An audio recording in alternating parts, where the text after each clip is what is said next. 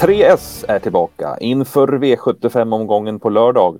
Och den här gången ska vi vända oss till Norge och det är Momarken som står som värd för V75-omgången den här veckan. Så att, ja, det är lite annat att tänka på. Eller hur Linus som ska hjälpa till här och gå igenom eh, V75-omgången? Ja, men det är det. det. Det är väl brukligt att dra det vanliga när det gäller Norge. Det är inga körspö som gäller och sen har de lite annorlunda voltsystem. Man eh, vänder ju lite annorlunda så att spår 5 är betydligt bättre i Norge än vad det är i Sverige. Och sen är väl eh, Momarkens bana också lite annorlunda, eller? Så är det. Eh, jag tänkte när du pratar om voltning, man kan väl faktiskt notera också att i Norge är det ju faktiskt tillåtet att även använda amerikansk vagn i voltstart. Det kan man ju ha med sig. Stämmer helt rätt. Bra, mm. bra poäng.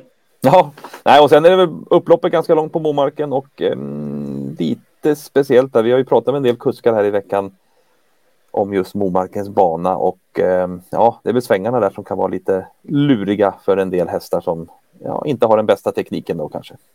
Precis. Och du sa det, långt upplopp, men eh, intervjuerna vi gjorde som går att läsa på travarnenspel.se, där säger ju kusken att det kan trots det vara svårt att, att, ta någonting på upploppet bakifrån.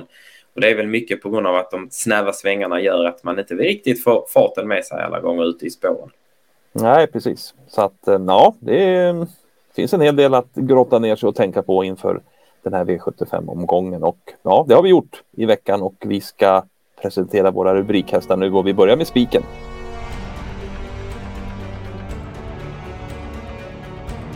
Då så, spiken. En spik vill man ju alltid ha. Det är bra och eh, det har vi hittat den här veckan. Vi ska faktiskt eh, gå fram till eh, kallblodsloppet V75 4.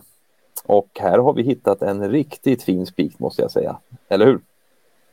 Ja, vi hoppas på det i alla fall. Den ska ju bara se till att vinna också. Det är ju givet för att det ska vara en bra spik som jag brukar säga. Nej, men hästen vi talar om är nummer fyra, Ard, som eh, tillhör väl skiktet strax under eliten i Norge.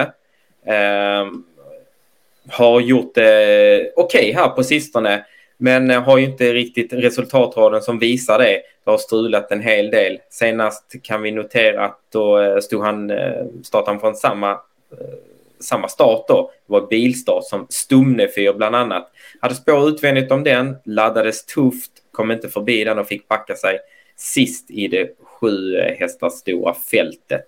Sen gick han, eh, ja men han höll samma fart som de där framme till slut, men det var ju svårt att ta något när de hade fått dämpa på mellan, eh, eller på varvet då. Eh, det som är grejen med Ad den här gången, det är ju att han står 20 meter framför, bland annat Stumnefyr.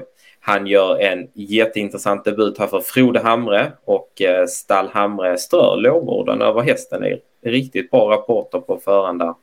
Och så är han snabb ut och vi läser väl loppet som att han kommer till ledningen. Ledningen är en bra position på Momarken då trots det långa upploppet och eh, ja, när vi får under 10% på AD då har vi ingen tvekan. Här är spiken. Jaha, vad härligt. Det har ju tagit det mesta där som vi behöver. Det är ju eh, en spetsvinnare helt enkelt här i förmodligen. Att vi, vi räknar med att han kommer till spets och vinner här Ard. Precis, i alla fall efter en bit. Det finns eh, några startsnabba med i loppet. Vi har två Eikman, vi har eh, fem Alsaco Pumba och sex Almnagano. Men alla de vill släppa och eh, då tror vi att är först fram och övertar. Härligt. Ja, just nu ser den ju riktigt spelvärd ut och som du säger under 10 procent just nu så att det är ju en riktigt fin vinnare. Men vi kan väl ana att han kommer stiga lite på procenten. Det kommer han antagligen göra, men eh, vi hoppas ändå att det kommer bli tillräckligt bra värde. Perfekt. Spiken avklarad. Nu ska vi gå till skräll.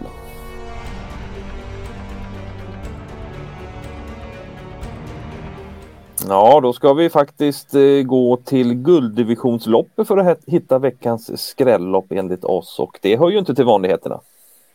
Nej, det gör det inte och Eh, anledningen till att vi väljer det här är ju att vi inte håller med spelarna om att två Stole the Show, som är favorit i nuläget, ska vara streckat på, ja, jag läser det, 70 procent. Det ja. förstår vi ingenting av. Och så, och, eh, den som kan sin matematik förstår att eh, ja, bakom Stole Show så finns det en hel del fynd att göra. Ja, det är ju ingen av dem som just nu är över 10 procent, så det är bara skrällar sen då helt enkelt.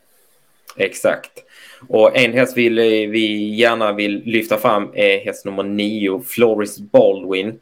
Den här känner vi ju till sedan tidigare, har ju varit ute i de allra tuffaste loppen i Norden under flera år. Då i eh, regi Christian Malmin, eh, men eh, sedan ett tag då så är hästen hos Bo Westergård. Han har gjort en start för Bo, eh, det var i det slutet av december i fjol. Eh, då var han påpassad, men han kom inte till någon ledning då, fick nöja sig med ryggledaren och satt sedan fast med till synes sparade krafter och norsken Orikt efter det pausat lite, trimmat på ordentligt, låter bra från Stall Västergård. Um, och nu får vi då 1-2% på Flores Baldwin som, eh, ja, han har väl varit lite Elitloppsaktuell vid något år. Det, det är svårt att ta då. Då måste vi sträcka Flores Baldwin. Härligt. Ja, det vore ju mumma in en sån skräll eh, till 1-2 procent. Så att eh, 9 Floris Boldwin, Boldwin, missa inte den alltså i V75 6. Ja, då har vi gått igenom två av tre rubriker. Vi har en tredje kvar och den ska vi ta nu och det är ju chaset.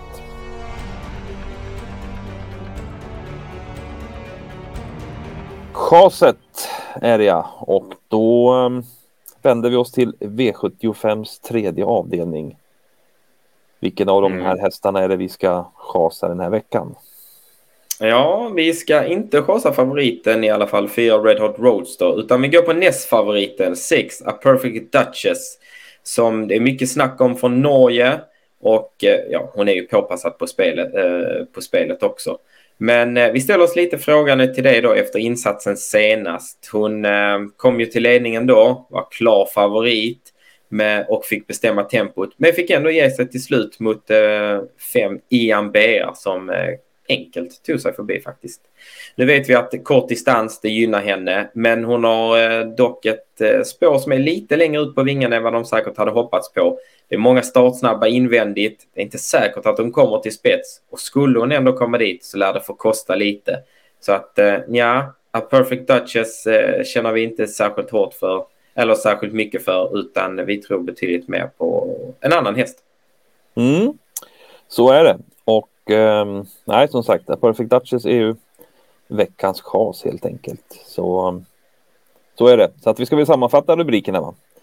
Och då gör vi det. I V75 4 hittar vi spiken nummer 4 Ard. Skrälloppet, det var alltså V75 6, gulddivisionen. Där eh, vi främst varnar för nummer 9, Floris Bolvin, som ni inte får missa. Och sen då chaset, det hittar vi vid 75 3. Det är nummer 6, A Perfect Duchess, som chasas den här veckan.